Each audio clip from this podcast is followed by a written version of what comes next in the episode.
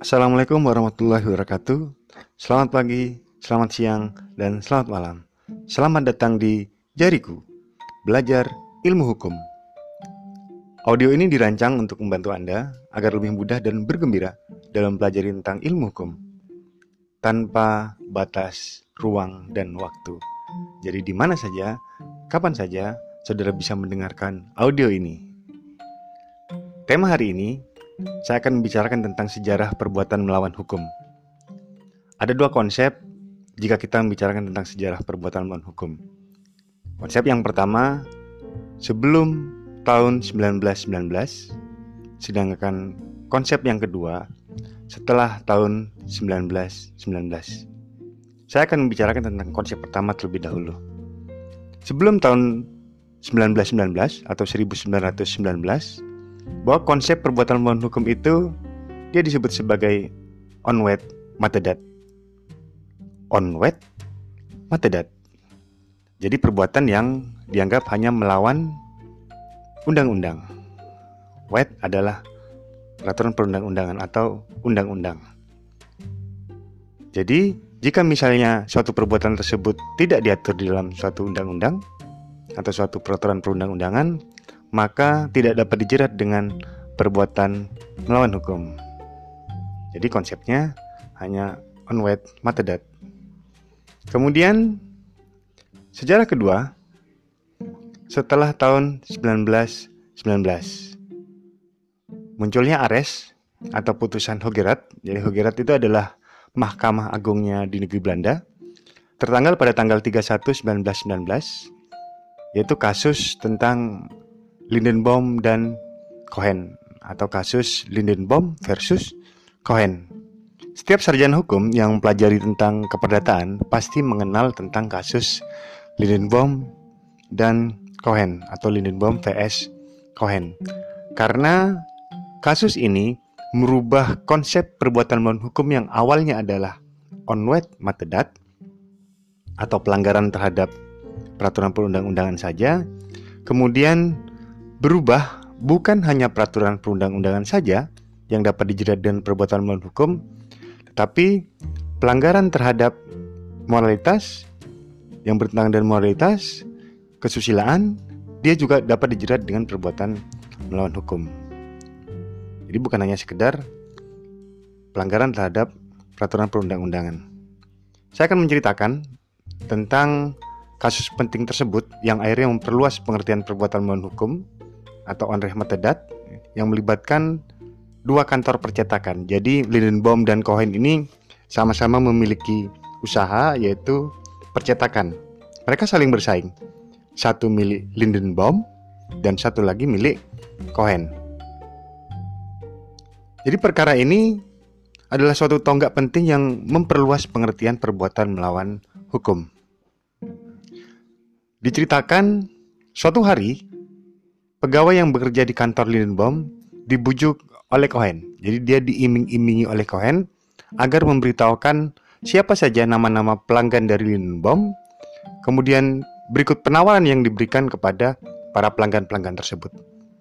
Dengan data tersebut, harapannya Cohen bisa memanfaatkan data-data tersebut untuk membuat suatu penawaran baru yang akan membuat orang-orang yang memilih kantor percetakannya daripada kantor percetakan Lindenbaum. Untungnya ternyata perbuatan koin tersebut diketahui oleh Lindbaum. Akibatnya, Lindbaum langsung mengajukan gugatan terhadap Cohen di pengadilan Amsterdam. Kemudian gugatan perbuatan melawan hukum terhadap Cohen, Lindbaum juga meminta ganti rugi atas perbuatan Cohen tersebut. Nah, pada tingkat pertama, Cohen kalah. Lindbaum menang. Tetapi ternyata Cohen menggunakan upaya hukum yaitu banding. Ternyata pada tingkat banding ini justru Lindenbaum yang dikalahkan. Nah, pada tingkat banding ini hakim berpendapat bahwa tindakan Cohen tidak dianggap sebagai suatu perbuatan melawan hukum karena tidak dapat ditunjukkan suatu pasal dari undang-undang yang telah dilanggar oleh Cohen. Jadi memberitahukan informasi rahasia terkait dengan usaha itu tidak diatur pada waktu itu. Maka akhirnya karena pada tingkat banding Lindenbaum kalah, Lindenbaum akhirnya menggunakan upaya hukum berikutnya yaitu kasasi. Akhirnya melalui putusan Hogerat atau Ares Lindenbaum vs Cohen tertanggal 31 Januari 1919, Lindenbaum, Lindenbaum lah yang dinyatakan sebagai pemenang. Di situ Mahkamah Agung Negeri Belanda menyatakan bahwa pengertian perbuatan melawan hukum di pasal 1401 BW, jadi pasal 1401 BW Belanda sama dengan pasal 1365 Kitab Undang-Undang Hukum Perdata. Termasuk pula suatu perbuatan yang melanggar hak-hak orang lain.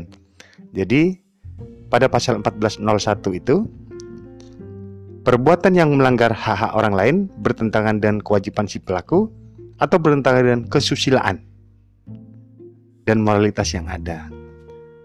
Nah, sebelum ares tersebut, pengertian PMH yang diatur pada pasal 1365 Kitab Undang-Undang Hukum Perdata hanya ditafsirkan secara sempit. Dikatakan di situ bahwa tiap perbuatan yang bertentangan dengan hak orang lain yang timbul karena undang-undang maka tadi seperti yang saya sampaikan, onwet mate atau onwet matedat. Orang tidak dapat mengajukan PMH atau perbuatan melawan hukum dan meminta ganti kerugian apabila tidak disebutkan secara jelas pasal berapa dan undang-undang mana yang telah dilanggar. Berarti sangat sangat normatif sekali ya. Sangat positif sekali.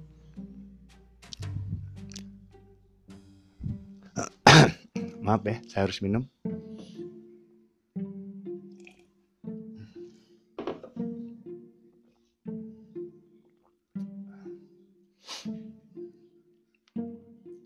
Nah, kita lihat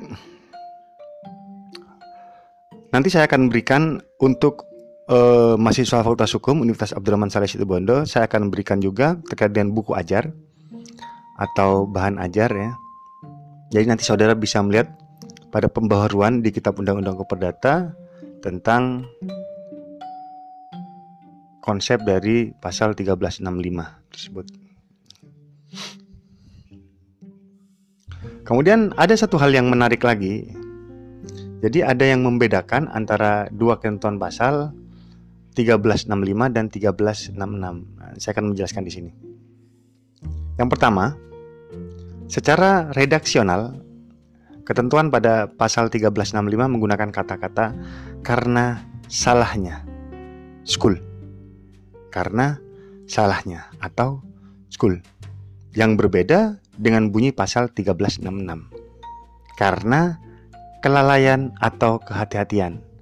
Jadi pada pasal 1365 karena salahnya sedangkan 1366 karena kelalaian atau ketidakhati-hatian. Kata melawan hukum mengandung arti baik tindakan aktif maupun pasif. Jika pasal 1365 menekankan pada perbuatan aktif, maka pasal 1366 menekankan pada aspek pembiaran atau tidak berbuat. Jadi pada aspek pembiaran atau tidak berbuat, pada pasifnya.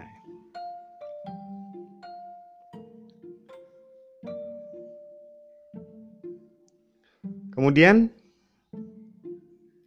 sejak tahun 1919, jadi setelah ini konsep-konsep sejarah PMH yang kedua ya setelah 1919 perbuatan melawan hukum diartikan secara luas yaitu mencakup salah satu dari perbuatan-perbuatan satu perbuatan yang bertentangan dengan hak orang lain. Yang kedua perbuatan yang bertentangan dengan kewajiban hukumnya sendiri.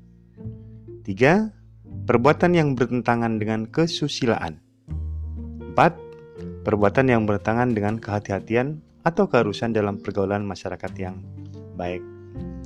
Berarti bukan hanya pelanggaran terhadap atau perbuatan yang melanggar ketentuan peraturan perundang-undangan saja.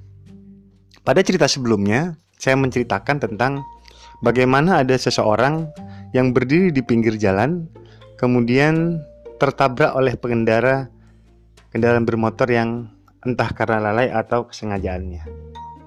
Nah, ini juga bisa ditarik pada pidana. pada ranah pidana. Ya. Kenapa ini bisa juga ditarik pada ranah pidana? Sini saudara bisa belajar pada ketentuan pasal 1310 Undang-Undang Nomor 22 Tahun 2009 tentang Lalu Lintas dan Angkutan Jalan atau LLAJ, biasa disingkat sebagai Undang-Undang LLAJ.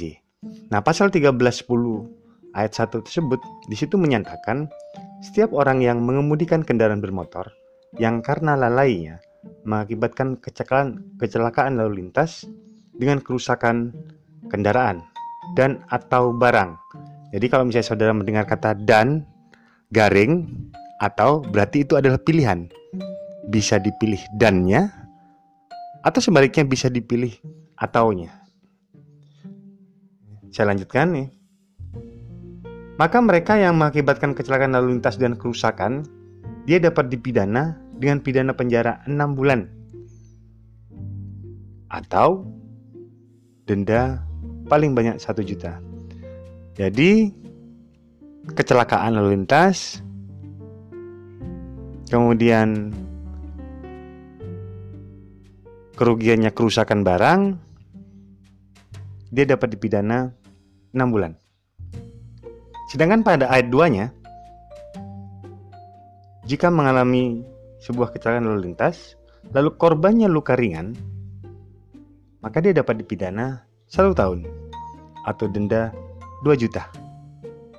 Pada ayat 3-nya, jika korban luka berat, jadi luka berat ini bisa eh, hilangnya contohnya ya hilangnya salah satu anggota badan saya jari dan lain sebagainya itu masuk kategori sebagai luka berat maka pelaku dapat dipidana 5 tahun dan atau denda 10 juta paling banyak ya 10 juta rupiah nah pada ayat 4 nya jika korban meninggal dunia maka akan dipidana paling lama 6 tahun dan atau denda 12 juta rupiah. Nanti ini tergantung si korban. Apakah si korban akan memilih melanjutkan dengan menggunakan ketentuan 1310 Undang-Undang Lalu Lintas ini atau dia meminta ganti kerugian. Jadi meminta ganti kerugian. Artinya uh, ada surat edaran, surat edaran uh, bukan surat edaran ya, perkap ya peraturan Kapolri yang menyampaikan bahwa kecelakaan lalu lintas hendaknya diselesaikan dengan menggunakan mediasi. Jadi secara kekeluargaan. Artinya tidak menggunakan ketentuan 1310 pada Undang-Undang Nomor 22 tahun 2009. Oke. Demikian yang bisa saya berikan untuk hari ini. Jadi konsep tadi konsep hari ini yang kita bicarakan tentang sejarah perbuatan melawan hukum ada dua konsep. Yang pertama, sebelum tahun 1919 dan yang kedua setelah tahun 1919. Pada konsep yang pertama, sebelum tahun 1919, perbuatan melawan hukum dilihat secara sempit hanya sebuah perbuatan yang melanggar ketentuan peraturan perundang-undangan. Jika tidak ada salah satu pasal dari peraturan perundang-undangan yang dapat dijeratkan, maka dia tidak dapat dikategorikan sebagai perbuatan melawan hukum. Sedangkan setelah tahun 1919, perbuatan melawan hukum konsepnya semakin luas bukan hanya saja terkait dengan pelanggaran peraturan perundang-undangan, tapi juga perbuatan yang bertentangan dengan kesusilaan dan kehati-hatian atau keharusan dalam pergaulan masyarakat yang baik. Artinya moralitas. Tidak melanggar ketentuan moralitas yang ada pada masyarakat atau yang berkembang pada masyarakat tersebut. Ingat seperti yang saya sampaikan, cara penggunaan audio ini atau podcast ini, dengarkan audio ini minimal tiga kali sehari. Selama satu minggu, saudara mendengarkan audio yang sama, kemudian minggu berikutnya, saudara mengganti audio yang baru lagi atau yang telah dibuat oleh saya. Nah, saya akan yakin sekali dan saya percaya sekali kalau misalnya saran saya saudara jalankan maka saudara akan lebih memahami tentang konsep perbuatan melawan hukum dalam ilmu hukum. Ingat, jangan menghafal, tapi kenali konsepnya, pahami konsepnya. Sekali lagi, jangan menghafal. Kenali konsepnya, pahami konsepnya, maka Anda akan belajar dengan lebih baik. Terima kasih. Demikian dari saya. Wassalamualaikum warahmatullahi wabarakatuh.